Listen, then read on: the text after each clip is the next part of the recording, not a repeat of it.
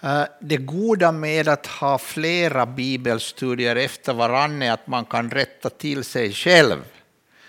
Eh, det var några stycken som eh, la märke till det att jag uttryckte mig lite oklart igår när det gäller den här att jag sa att den, den tid vi lever i som, som överger Gud och hans, hans ord och hans bud både i samhälle och kyrka. Det betyder att vi är på väg eh, med kulturen att gå under.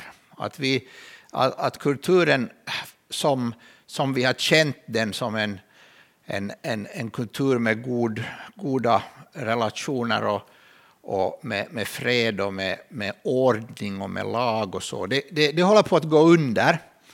Uh, uh, det finns klara tecken på, på det i de bästa, bästa ställen där det har varit bäst att leva. Och så sa jag att, att om, om, om det fortsätter så här så, så har vi inget hopp.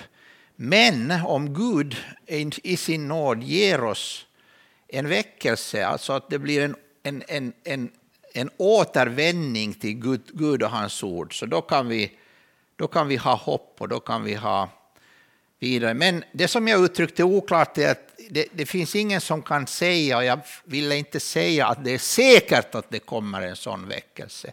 Det är inte alls säkert, det är inte alls klart. Det kan hända att vi är på väg ut.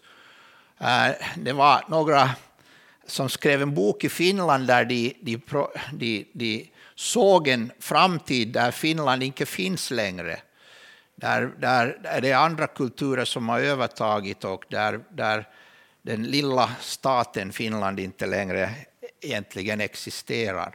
Det är mycket möjligt att vi, vi i, i lång framtid har bara att gå under, men Visst Gud ger oss en väckelse så kan det gå bra, men det är visst han gör det och vi kan inte se för säkert. Vi har fått tillräckligt mycket profetior om det kommer en stor väckelse. Jag har hört sådana profetior hela mitt lilla liv och det har ännu inte kommit. Så vi ska inte lova sånt som Gud inte har lovat i sitt ord.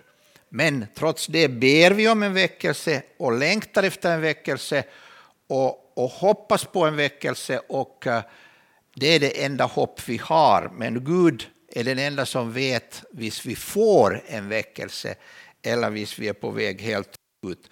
Sen är det ju möjligt att en kultur lever väldigt länge som Japan, japanska kulturen, kinesiska kulturen, lever väldigt länge, men då må den ha väldigt strikta um, ordningar och, och, regler som dessa, dessa land har, eller en diktator som är tillräckligt god för att uh, uh, hålla ihop det som annars inte hålls ihop.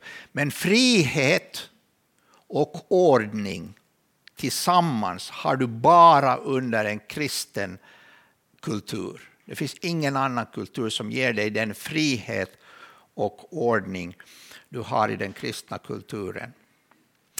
Men vi är inte här för att göra kulturanalys utan för att tala om Jesus i Gamla testamentet. Vissa av mina vänner är lite bekymrade i Finland att kommer du Leif någonsin till Nya testamentet? Men jag, jag, jag vill säga till dig, jag har läst det. Och det är en väldigt god bok. Så ja, vi, vi kommer dit och, och, det är viktigt. Men du må, du må minnas att de första kristna, de allra första kristna, hade inget Nya testamente ännu. De, de skrev Nya testamentet. Men, men innan Paulus skrev sina brev och evangelierna skrevs så fanns det bara det förkunnade ordet och Gamla testamentet som var deras bibel. Och sen blev ju förstås Nya testamentet också en del av Guds ord. Ehm, låt mig göra reklam för två goda böcker. Den ena är Guds ord, det är vårt arvegods. Redaktör Konrad, redigerad av Konrad Fjell, men här är en massa goda författare med som Mikkel Vigelius från, Vigilius från, ehm, från ehm, Danmark och Uh, många, många andra. Det är till och med en finländare med här, Timo Lato, som är en god vän till mig, teologie doktor som arbetar i Göteborg. Och uh, här är många andra med. Och, uh, här har du väldigt intressanta artiklar om Guds ord och varför vi kan lita och stole på Guds ord helt och hållet. En väldigt god bok, Guds ord, det är vårt arvegods, som finns till salu där. Så finns det en annan bok där till salu som heter Bibelns röda tråd. Och den innehåller väldigt goda citat av andra författare. Väldigt goda citat från olika författare och från Bibeln. Så med den, hjälp av den här kan du repetera det vi har gått igenom och se lite mer av, av de, de, de ting. Så de här båda eh, böckerna kan tillsammans hoppeligen stärka din tro på Guds ord och hjälpa dig att se hur du ska förstå Guds ord. Nu går vi tillbaka till Gamla testamentet och till den äh, profetia vi har av Mose. För Mose han förutsäger att en profet lik mig ska Herren din Gud låta uppstå åt dig bland ditt folk, från dina bröder. Alltså, från israeliterna ska det komma en som är lik Mose, alltså lika stor, lika viktig. Honom ska ni lyssna till. Det ska bli så som du begärde av Herren i Gud vid Horeb den dag ni var samlade där och du sa det. Jag vill inte höra mer av Herren min Guds röst eller se den stora elden längre, då kommer jag att dö. Herren sa då till mig, det har rätt i vad det säger, jag ska låta en profet lik dig uppstå åt dem bland deras bröder. Jag ska lägga mina ord i hans mun och han ska tala till dem allt som jag befaller honom. Om någon inte lyssnar till mina ord som han talar i mitt namn ska jag själv utkräva det av honom. Och det här, den här profeten var ju Jesus som kom. Jesus var en ny Moses, inte i bemärkelse att han kom med lag, utan han kom med nåd, men han var en profet sänd av Gud. Han var en mellanman som Mose, när du kommer ihåg att när Israel höll på att gå under för att de hade gjort uppror och Gud vredgades över dem, så, så var det Mose som gick in mellan Israels folk och en helig Gud och bad till Gud för Israels folk och Gud skonade sitt folk. Och nu är det Jesus som är vår mellanman. Är, han är medlaren, han är den som går in mellan oss och vårt uppror och våra synder och mellan en helig Gud och han vädjar till Gud för oss. Det står att han lever för att be för oss hela tiden. Jag kommer ihåg när det gick upp för mig en gång. Det var en, det var en snöfylld jul i Finland. Det var ganska kallt. Och vi hade haft något, det här är hemskt att bekänna, men vi hade haft något argument med min, med min fru så, vi, så jag gick ut och gå. För det var en som sa att, att, det här, att, att varje gång du får något ska, så är det du som ska gå ut och gå, så håller du god kondition. Men i varje fall, jag hade gått ut och gå och så, och så gick jag där så tänkte jag lite sån dystra tankar att, att det är jobbigt i livet och så vidare. Och så, och så plötsligt så tänkte jag, ja men tänk att Jesus ber för mig. Att det står att han lever ständigt för att be för oss. Tänk att han ber för oss, för Guds församling, för var och en av oss. Bland annat ber han att vi inte ska ge upp vår tro. Det är det vi ska tala om på seminariet på eftermiddag. Hur man kan överleva som kristen. Hur man kan hållas i tron ända till slutet och komma till himlen. Äh, men äh, det gick upp för mig plötsligt där i den, vint, den vintriga Finland att Jesus ber för mig. Och det lyfte upp mig. Men det löste inte ännu vårt argument. Va? Men så tänkte jag, okej, okay, jag borde kanske göra någonting. Och så tänkte jag, kanske jag borde köpa blommor. Ser ni blommor? Ja, blomster. Men julafton, är det något som är öppet då? Men det är ju en god sak att låta bli att köpa om det inte finns något ställe att köpa.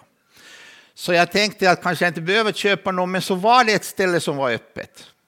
Och det var 50 procent rabatt. Men det ska du inte säga. För det tar liksom bort allting. Jag köpte riktigt mycket blommor där, för det var 50 procent rabatt. Det ska du inte säga. Men jag köpte de där blomstren, gick hem, ringde på dörrklockan och så stod jag sån. Och så hörde jag ingenting. Inte ett knyst, inte ett ord. Jag tänkte att wow, om inte det här räcker. Så vände jag mig om och så såg jag tårarna i Irenes ögon. Och så kom vi överens. Vi bad om ursäkt, vi bad om förlåtelse och det blev en god jul. Det är alltid möjligt att komma tillbaka, det är alltid möjligt att vända om. Och det är det vi behöver. Ibland kan det kosta riktigt, riktigt mycket. En, ett par som vi känner, när mannen fyllde ungefär 50 år så förlät han sin hustru. Och for iväg med en kvinna som var 20 år yngre.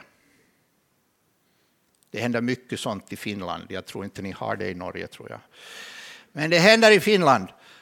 Han for iväg.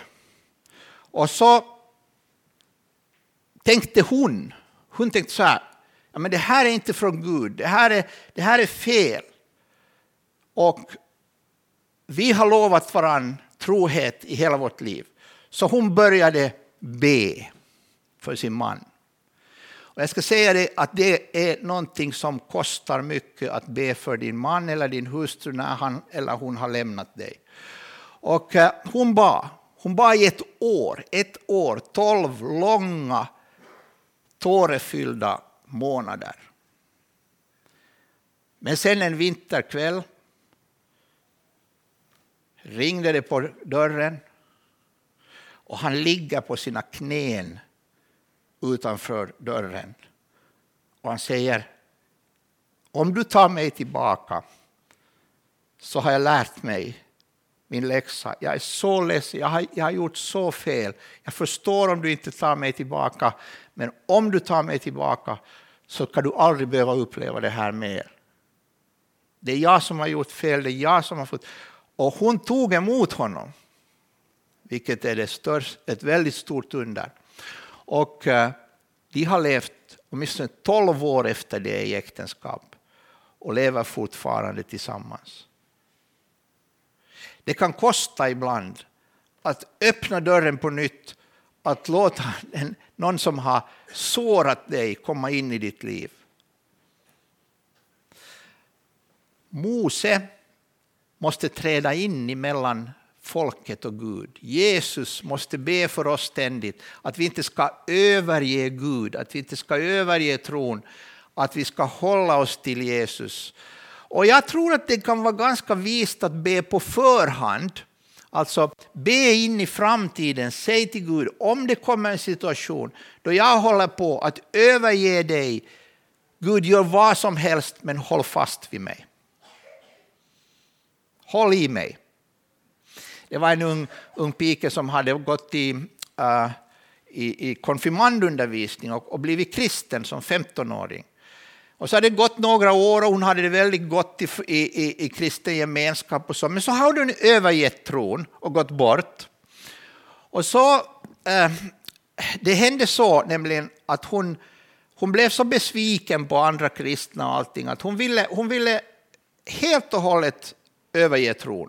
Så hon gick ut och gå och bad, bad och tänkte Gud, jag vill inte ha någonting att göra med dig. Det är en ganska intressant bön. Alltså. Gud, jag vill inte ha någonting att göra med dig. Jag vill överge dig, jag vill, jag vill bli fri från dig. Och så säger hon att hon fick en slags fred i sitt hjärta faktiskt. att Okej, okay, jag är fri, jag får gå. Men så märkte hon att hon har gått så långt hon orkar inte gå tillbaka. Så vad kallar ni det i Norge när man liftar? Sån? När man hajke, så hon ville hajke. Så hon stod där vid vägen så kommer den första bilen, stannar. Hon ser inte ens vem det är, hon bara öppnar dörren, sätter sig ner, tar fast dörren och ser rakt in i ögonen på den präst, pastor som hade varit hennes pastor i konfirmandundervisningen. Och som frågar henne, hur har du det med Gud idag då? Så det är inte så lätt att komma bort. Gud försöker ordna det så att du inte kan komma bort. Att han alltid väntar och försöker dra dig tillbaka. Men det finns en möjlighet att du går så bort att du aldrig kommer tillbaka.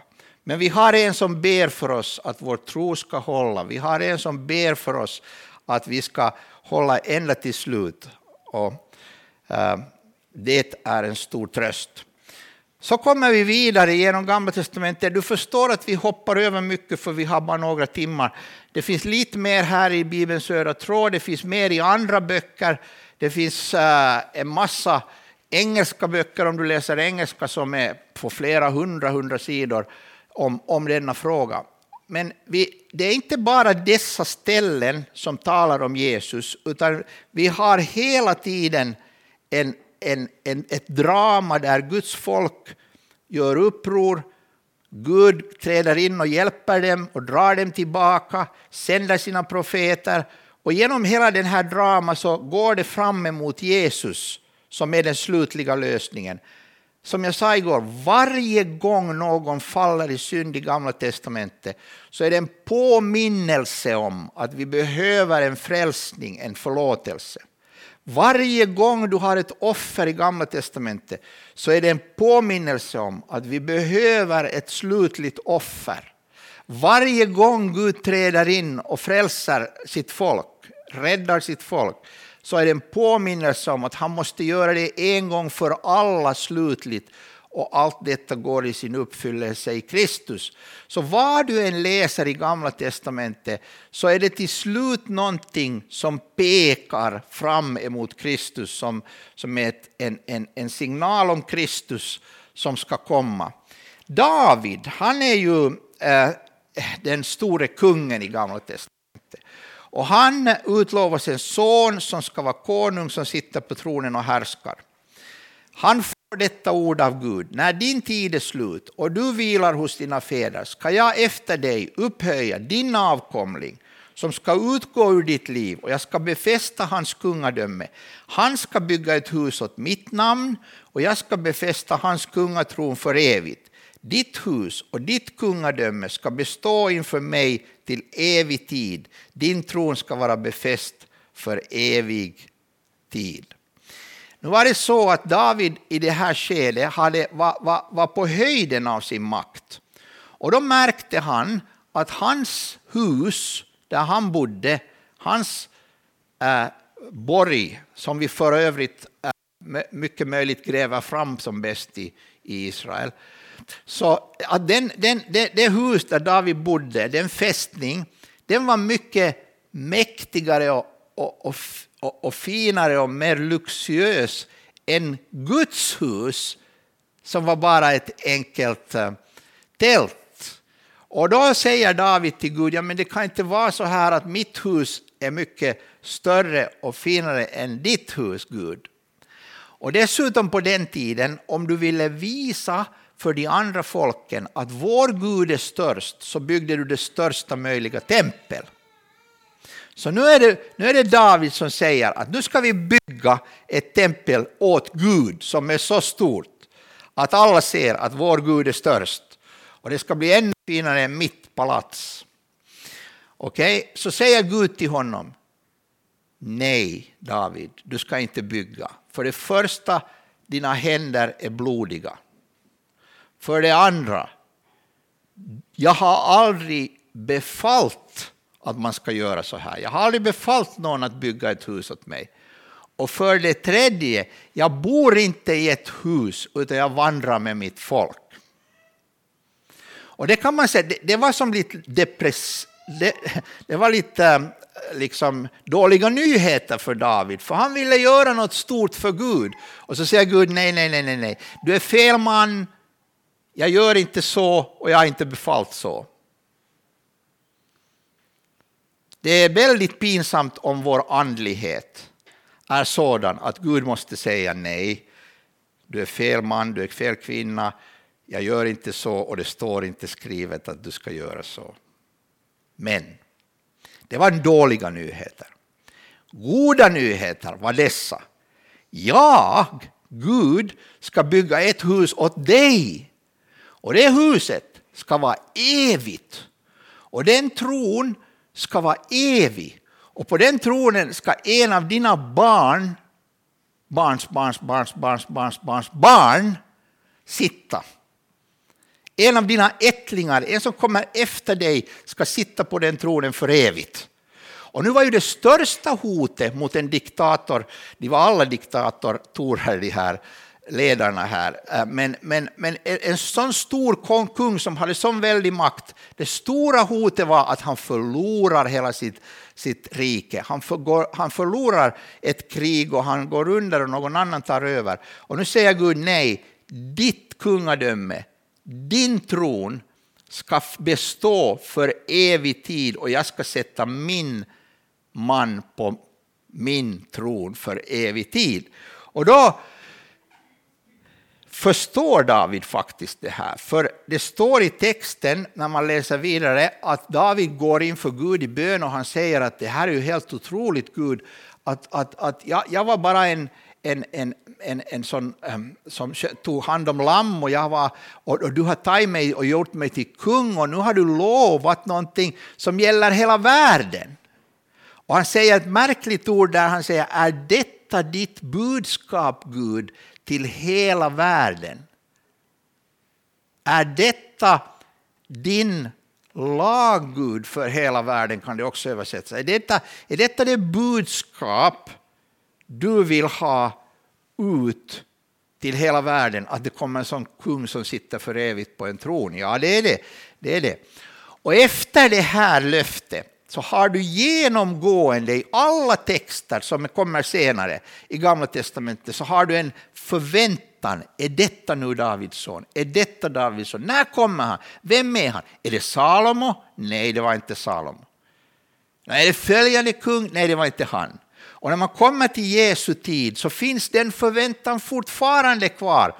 Den finns väldigt kraftigt kvar där och man förväntar sig och folk talar med varandra och säger månne, månne den där Jesus, kan han vara Davids son? Är detta Davids son? Och du har den blinde mannen som inte ens ser och han ber och ropar till Jesus, Davids son har förbarmande över mig. Så det finns denna väntan, denna längtan därför att du har detta löfte från Gamla Testamentet att Davids son ska komma. Vi synger fortfarande i gudstjänsten Davids son. Vi sjunger om Davids son. Och då står du i en väldig eh, tradition, nämligen du sjunger tack till Davids son och du sjunger om Jesus som var Davids son för 2000 år sedan och kom. Och som David själv fick profetia om tusen år tidigare. Så vi går minst 3000 år tillbaka med denna härskare Davids son. Och det intressanta är förstås att eh, världen vill alltid insätta någon annan som konung. Det är alltid någon annan som ska vara den stora hjälten. Det är alltid någon annan som ska tillbes. I västerlanden idag har vi små möten när det gäller kristna. Det är ett stort möte om det är flera tusen, om det är tiotusen, är det ett riktigt stort möte.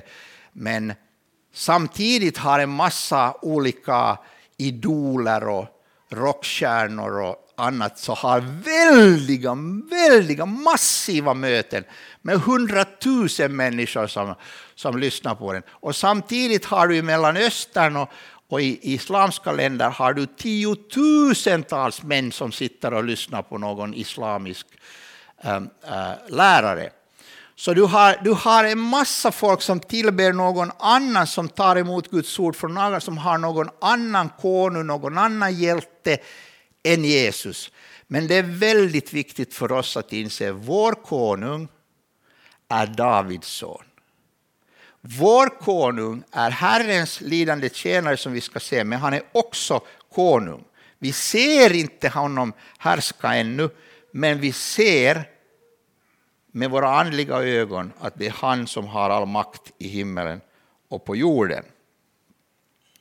Samtidigt som han är denna härskare och konung, så är han Guds lidande tjänare. Jesaja beskriver Guds tjänare som lider, som blir slagen för våra onda gärningar och bär våra synder. Men det var våra sjukdomar han bar, våra smärtor tog han på sig, medan vi såg honom som hemsökt, slagen av Gud och pinad. Han blev genomborrad för vårt brott, slagen för våra synder. Straffet blev lagt på honom för att vi skulle få frid och genom hans sår är vi helade. Vi gick alla vilse som får och var och en gick sin egen väg, men all vår skuld lade Herren på honom. Här är vi rakt inne på det bultande hjärtat i den kristna tron. Här är vi rakt inne på det mest viktiga som finns i den kristna tron. Att vi har en ställföreträdare. Att vi har en som går in istället för mig, istället för dig. En som tar min och din plats och som Gud lägger straffet på honom och jag går fri. All den skam som jag har dragit över mig med mina synder läggs på honom och du är fri. Han bär straffet och du är förlåten. Han är, en, han är en som kommer in istället för och tar själv på sig eh, straffet för vår skull. Och han är en lidande konung. Och det är här, så, här som det blir fråga om tro.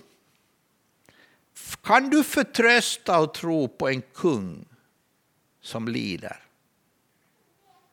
Vi lever i nådens tid. Och under nådens tid så förkunnas evangelium och förlåtelse. Och tänk, tänk allting, Jesus la sig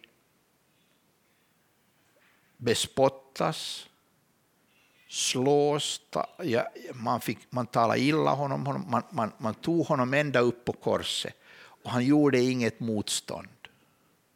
Han gick som ett lamm. Och det där är också det, det, det, är vår försoning och det är det viktigaste. Men det blir också ett, en kallelse till oss att vi ska vinna denna kamp för att komma fram till himlen. Det är en väg då vi följer en lidande konung. En konung som inte tar makt utan som lider. Vi ser en kultur, vi skulle så gärna rösta in kristna i alla positioner och få lagarna omvända och så vidare. Men vi ser en kultur som vänder sig bort från Gud. Och vi ser en kultur där det blir svårare att vara kristen i olika yrken och på olika ställen. Men det är genom att gå denna lidandets väg som vi kan övervinna så vi kan komma fram. Och det är ständigt lockande för en kristen att tänka att vi ska få redan nu, redan nu ska vi få Jesus som kung och så ska vi ha eh, härska med honom i den här världen. Och det finns en massa, massa sån lära som sprider sig över kristenheten just nu idag. Eh, som, där man undervisar att Jesus ska ta makten och de kristna ska ta makten i politiken, i, i universiteten och så vidare. Men det är en falsk lära som inte grundar sig på skriften, för skriften kallar Guds folk att gå en lidandets väg, att gå en väg där vi, eh, det ser ut att vi förlorar. Men i verkligheten vinner vi. Tänk på, tänk på Kina i den här bemärkelsen. De fick en fruktansvärd diktator, kanske den värsta som någonsin funnits, Mao. Fullkomligt sjuk och pervert personlighet som gjorde en massa illa till, åt sitt folk och som slaktade sitt eget folk i miljoner med sina beslut. Och vad gjorde han? Han sa alla missionärer ut ur landet alla biblar ska tas ska konfiskeras, ska tas bort. Alla kyrkor ska stängas. alla pastorer ska sluta. Och han gick i ett direkt attack på Guds folk och Guds kyrka. Och vad var det som hände? Ja, det såg illa ut. Det såg ut att, eh, att allt går under och det såg ut att, eh, att eh, Eh, den kristna kyrkan försvinner från Kina. Det fanns bara några hundratusen högst, inte kanske ens 200 000 kristna när Mao kom till makten. Men så grep Gud in. Och så småningom spreds det en väckelse, mycket lidande, en massa folk i fängelse och en massa lidande. Men det uppkom den ena kristna församlingen efter den andra som spred detta budskap om Jesus Kristus och församlingen växte så att idag talar man om minst, absolut minst 50 miljoner kristna i Kina. Möjligen mycket mer, men om vi ska vara försiktiga så ska vi säga 50 miljoner kristna. Det, alltså Guds svar på Maos vrede och uppror det var bara att suveränt låta sin ande väcka kineser på ställe efter ställe. Det väldiga behovet i Kina idag är undervisning och pastorer. Du, har, du kan ha 150 000 församlingsmedlemmar och en pastor. 150 000.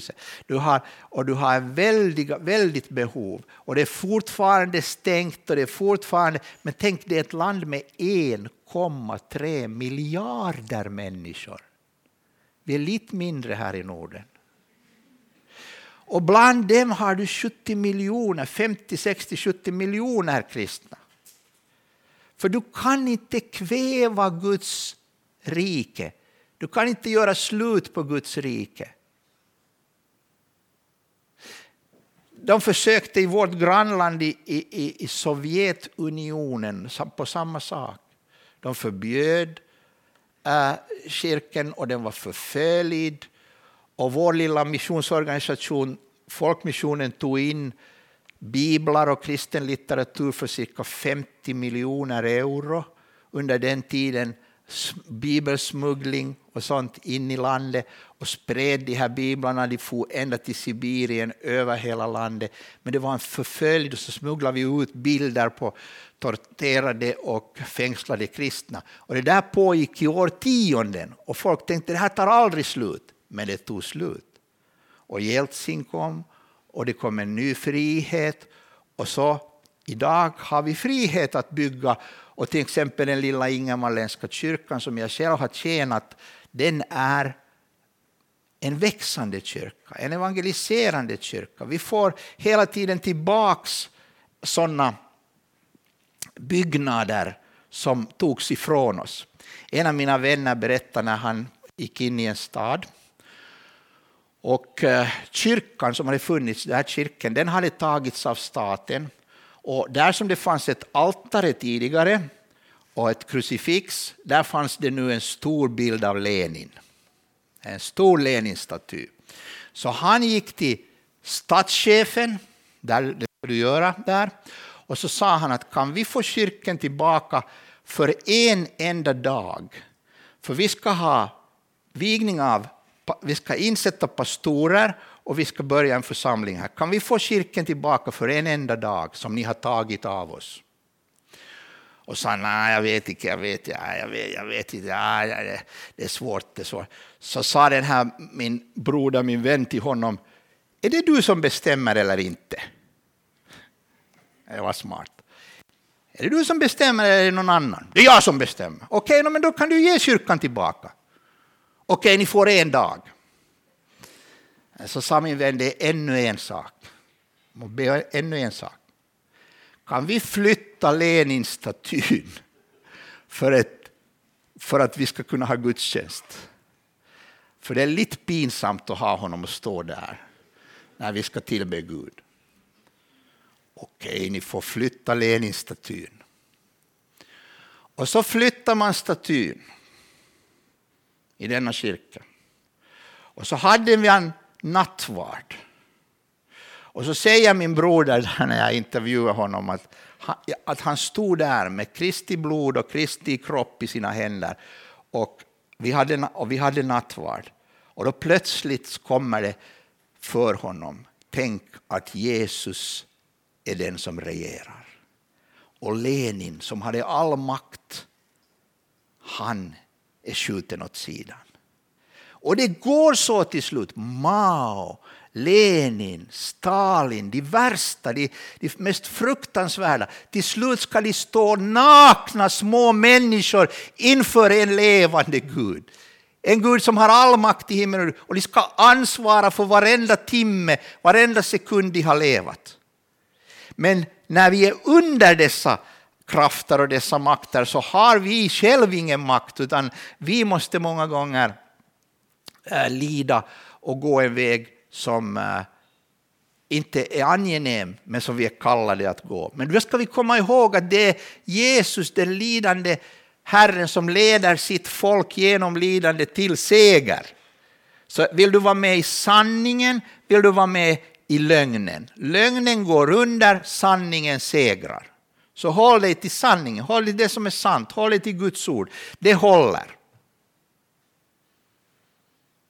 Det håller. Jag kommer ihåg en annan sak där från Ryssland där, vi, där det var en kyrka som hade, eh, eh, skulle byggas på nytt. För den hade demoliserats helt och hållet under kommunismen. Och så fanns det bara de stockene, ser man stockene, kvar som man byggt kyrkorna, de träd, träd. De fanns bara kvar där mera. Det fanns ingenting annat. Och så skulle man bygga kyrkan på ett annat ställe och så sa de att vi måste flytta hela stockarna dit. Och så lägger vi dem som grund och så bygger vi en ny kyrka. Och så sa jag, så sa jag när, i, i ett samtal, jag satt, att varför i hela världen ska vi ha de där gamla stockarna där? Att, vad, vad gör vi med dem? Vi bygger en ny kyrka. Glöm stockarna, det är så jobbigt, det är så jobbigt att flytta dem. Så såg dessa gamla kvinnor och män på mig och sa det, du kanske inte förstår.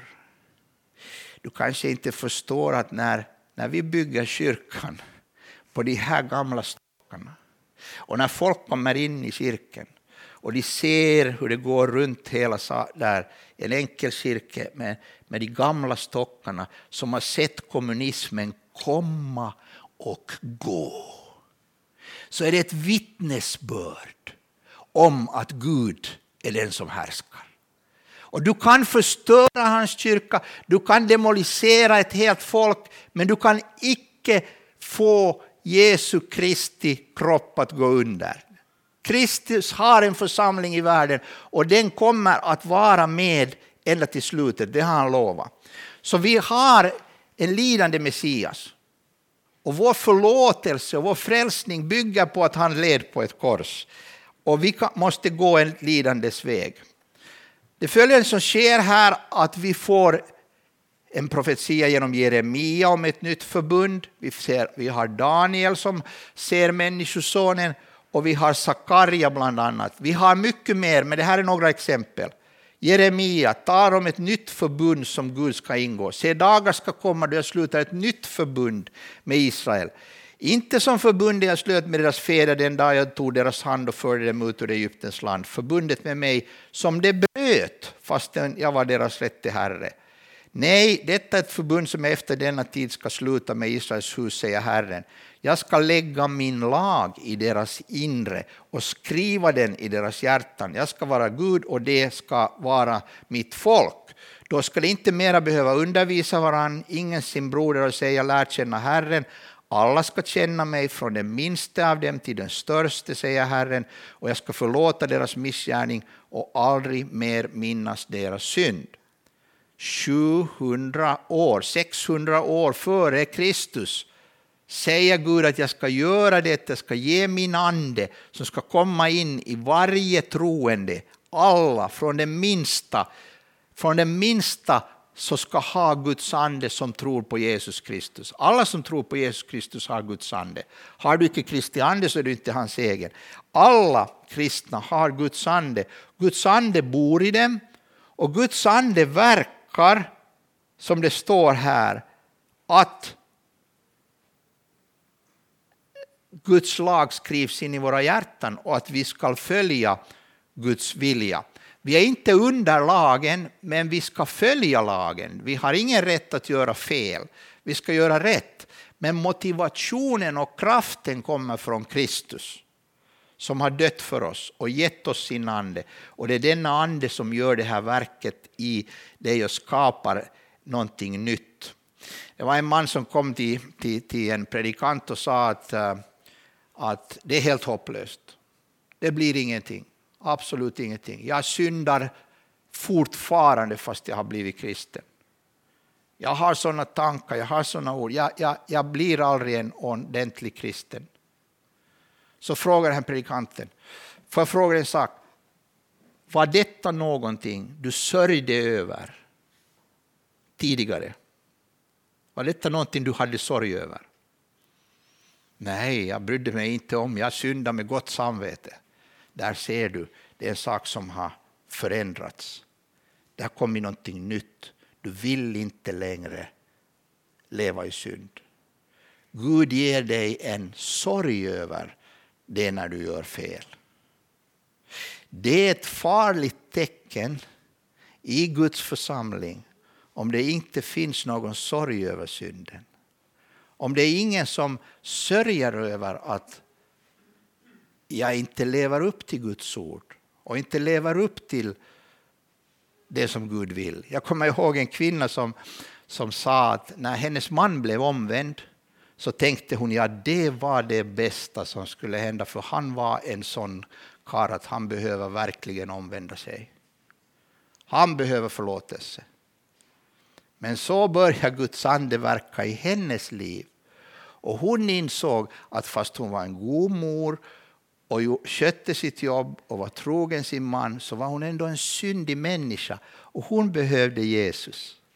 Och så vittnade hon om att hon själv blev lika syndig som sin man och då sa hon inte längre ha ja det var rätt, han behöver det, utan jag behöver det.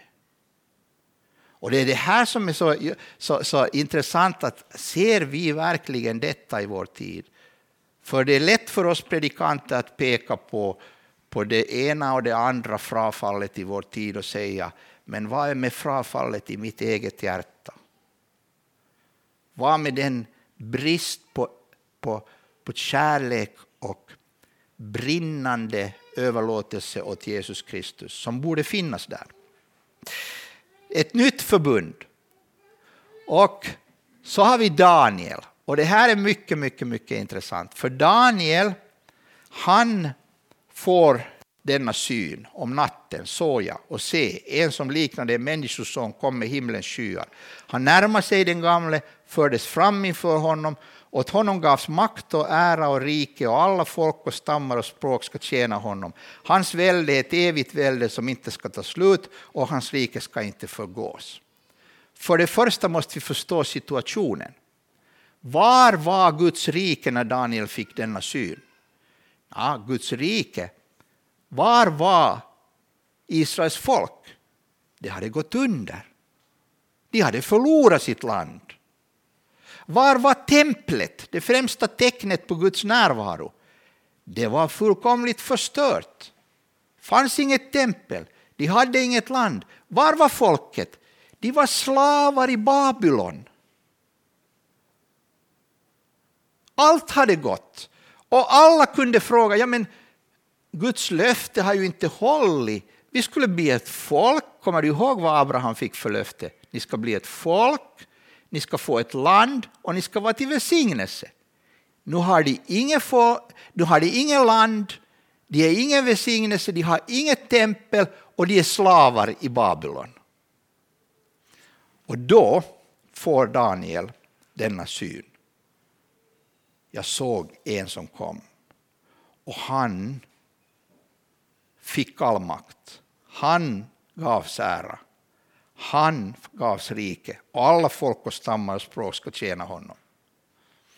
Det är samma sak som, hos, som vi tidigare såg hos David. Det här går tillbaks till Davids löftet och säger nu håller Gud sitt löfte hela tiden. Han kommer ihåg sitt löfte att en Människoson ska sitta på Davids tron för evigt. Det ska finnas en som har all makt. Men du ser det inte nu, Daniel. Daniel, du, har full, du ser bara att, att det ser illa ut, men Jesus, han re, regerar. Han, är, han har all makt. Och för det andra ser Daniel framåt i tiden, för han ser den Jesus som ska säga en gång, mig är given all makt i himmelen på jord, gå därför ut och gör alla folk till mina lärjungar. Så Daniel ser i denna syn en väldig scenario, en hel, en hel vision från David ända till Jesus. Och han står mitt emellan, 500 före Kristus, står han där mitt emellan David tusen år före Kristus och Daniel 500 år före Kristus. Och han ser tillbaks till Daniel och han ser framåt mot Jesus och han säger jag såg en som gavs makt och ära och rike och alla folk och stammar och språk ska tjäna honom. Det är det vi håller på med nu. Att predika evangelium för alla folk och alla grupper. Och det, finns, eh, det är därför vi räknar i missionen ut hur, var, var finns det folk som ännu inte har hört. Jag vet att Norsk Luthers Missionssamband är, är ute och arbetar bland folk som, inte har, som har hört allra minst. Och det är också min egen mission, folkmissionen. Vi har mest arbetare, mest missionärer bland de som har hört minst. För vi ska ut till alla folk och alla grupperingar och alla olika äh, äh, land för, med evangeliet. Så att alla får höra. Och det väldigt fina är ju då att Gud hjälper oss ibland. Vi, vi jobbar i, om, inte bara ibland, men vi var ute i, i, i Afghanistan i, i, i 30 år. Vi hade fyra martyrer, fyra människor som dog där. Så blir det så svårt att vi måste kalla hem alla våra missionärer. Det, vi kan inte ha dem med barn och allt där med, för det, det är livsfarligt. Och de kommer hem. Men så börjar denna väldiga folkvandring så vi plötsligt under ett år får flera tusen afghaner till Finland. Och minst 30 stycken av dem landar i vår bibelskola. Och undervisas finska och språket och kultur och förstås kristen tro. Och många av dem kommer till tro, blir döpta och vill vittna om sin tro.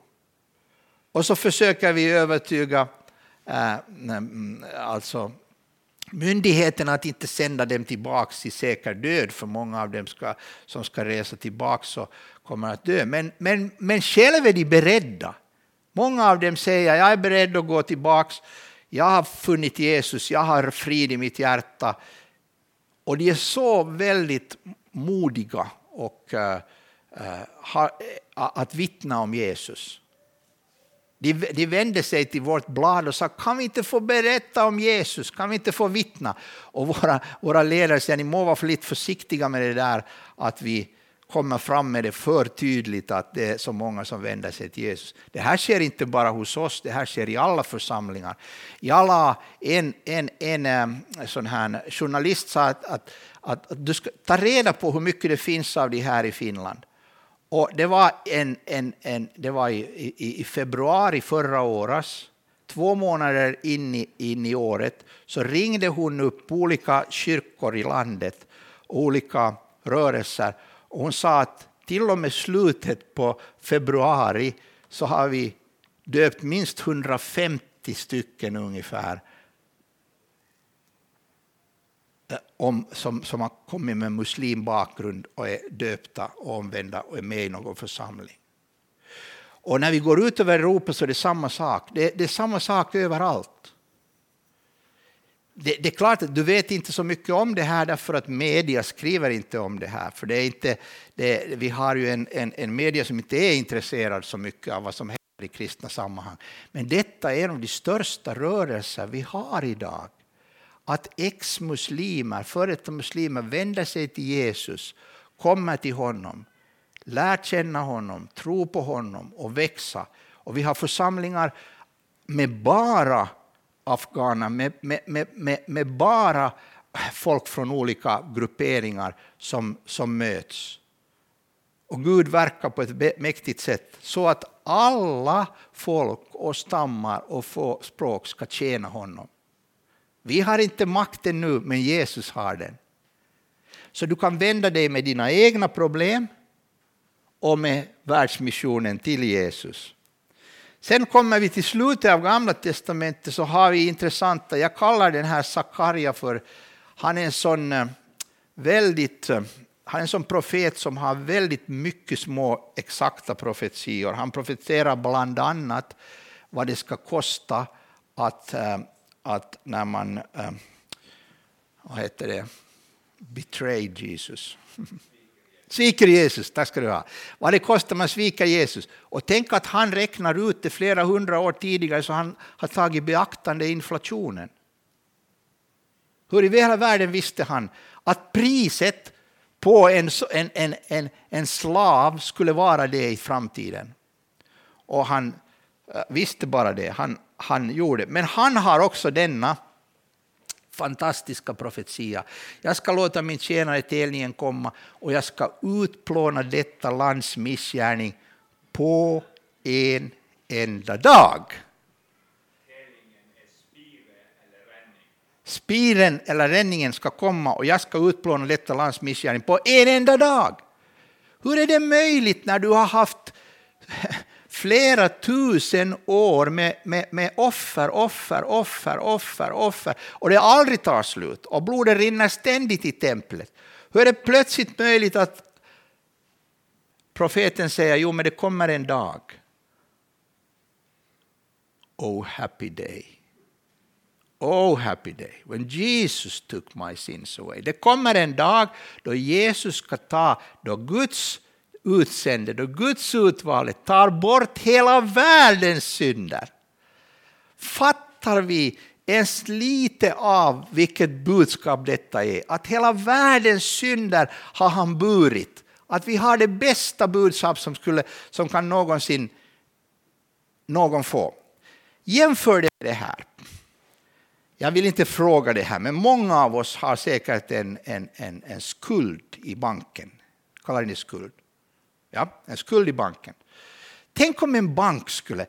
Detta är mitt drömjobb. Jag älskar det arbete jag haft i 40 år. Jag, jag vill fortsätta med det. Men om det skulle finnas ännu ytterligare ett, ett jobb att göra så skulle jag vilja få detta jobb. Detta jobb. Banken skulle utplåna alla människors skuld. Och mitt jobb skulle vara att gå och tala om det. Förstår du? Och så skulle banken köpa dig en bil och sätta du ska köra till dit och dit och dit och dit. Och så skulle du tala om, kommer du ihåg, du hade 200 000 euro. Du hade 400 000, du hade någonting. Det är utplånat. Det finns inte mer, du är skuldfri. Och sen nästa dörr. Har du ett ögonblick? Jag har goda nyheter från banken. Goda nyheter från banken. Jag har goda nyheter och så slår vi oss ner, tar en kaffe. Ja, det är så här. Du hade 150 000 skuld, men det finns inte mer. Det är noll saldo. Banken har tagit bort det. Jag är, jag, jag är så, lö, så liten, jag vet inte, ser man löjlig människa här? Löjlig människa. Jag satt en gång och tänkte på det här, det skulle vara ett jobb att ha. Och så, så, så plötsligt kom det till mig, men det är ju det jobb du har. Kan du fatta att det är det jobb du har? Du ska gå ut till människor och du ska säga till dem att Jesus på en enda dag tog bort din skuld och din skuld och din skuld. Han betalte allt. Och ut ur denna mötessal och ut ur varje mötessal i Norge, Sverige, Finland borde det komma ett folk som är li minst lika lyckliga som om de skulle just ha fått höra att all deras skuld är utplånad i banken. Men vår skuld är inte utplånad i banken, det är en världslig sak som vi må betala. Men vi har fått våra synder förlåtna för evigt. Det är en god nyhet. Och det är det vi ska ut med. Och det är det ingen känner i Japan. De De har sin buddhism och de har sina regler och de har sitt system. Ingen känner det här budskapet i islam. Ingen känner det här budskapet i ateismen, att det finns en förlåtelse, en fullkomlig utplånande på en enda dag. Och tänk att den dagen var nära. Oh happy day, det var nära. Det var nära när, när Sakarja kom. Och vi hade bara lite bit kvar till att Jesus Kristus kommer och uppfyller alla löften. Och nu sprids evangeliet. Och vi väntar på hans andra tillkommelse. Och det är den här perioden här emellan Jesu första och hans andra tillkommelse. Det är denna period som är ändens tid då evangeliet sprids. Det sägs minst tio gånger i Nya Testamentet. Där har du ändens tid. Johannes skriver att vi lever i ändens tid. Då, för 2000 år sedan. Och den for, det, det, det lever vi fortfarande. Ja, det finns en massa makter, antikristliga makter som håller på. Men vi har ett budskap att ta ut till hela världen. Vi har en god nyhet som gäller varenda en. Så nu är den stora frågan, hur ser du din granne? Igår frågade jag, hur ser du ditt eget liv?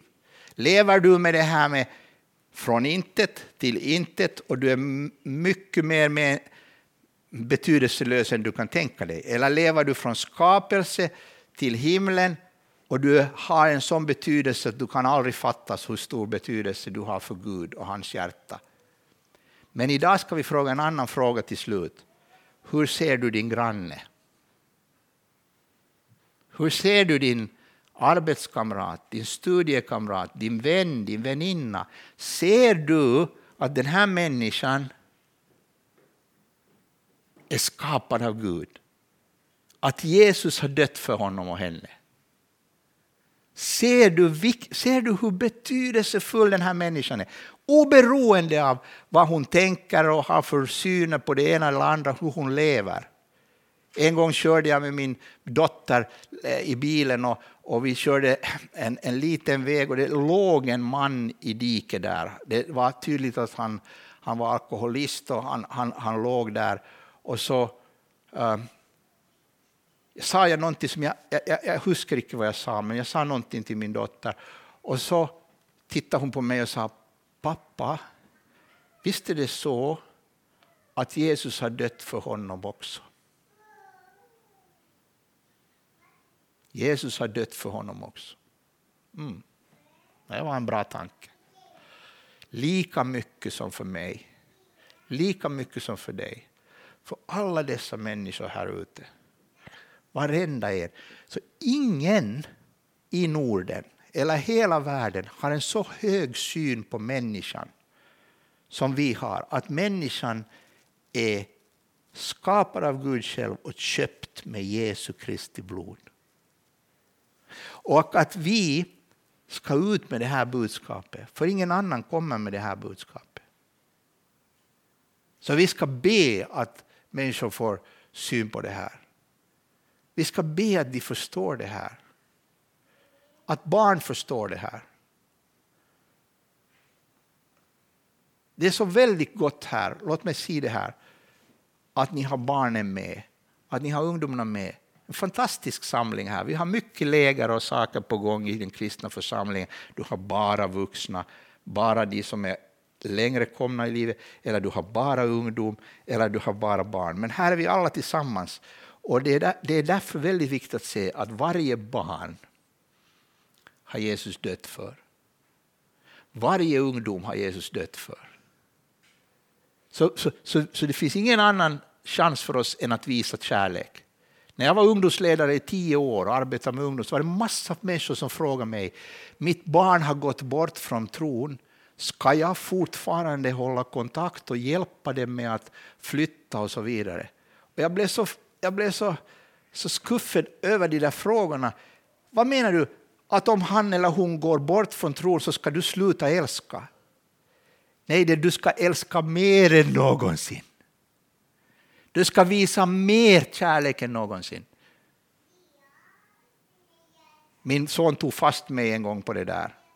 Jag hade sagt åt honom så här. Han hade sagt någonting om att vad om vi inte tror när vi är vuxna eller någonting. Så sa jag att hör du, Mikael heter han. Mikael, om du kommer hem en dag och har en sån boll här på pannan, en sån uh, orange boll här på pannan, och du har blivit buddhist, och du sitter med händerna i kors och fötterna i kors och mediterar i ditt rum. Så en sak ska du veta, du är alltid min son. Och du är alltid älskad oberoende vad du gör. Han var tyst en liten stund och sa han, pappa, mm, du kunde åtminstone ha medgett att det skulle vara lite jobbigt.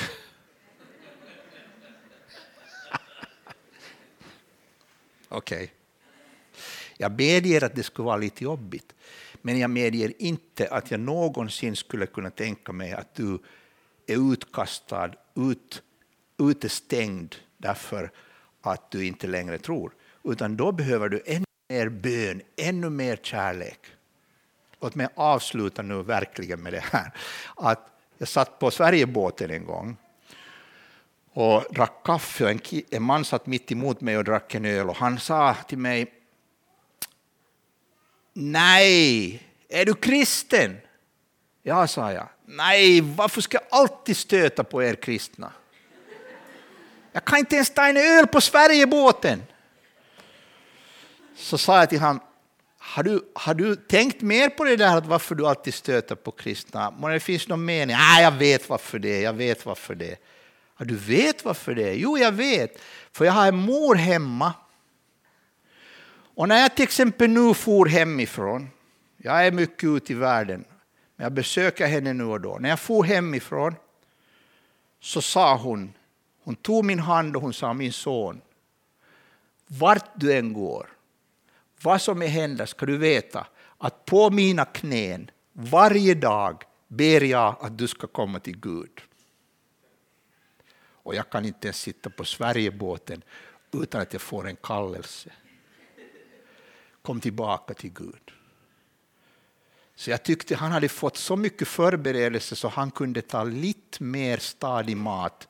Så jag sa till honom, hur länge tycker du att Gud ska hålla på med det där? 10 år, 20 år, 30 år?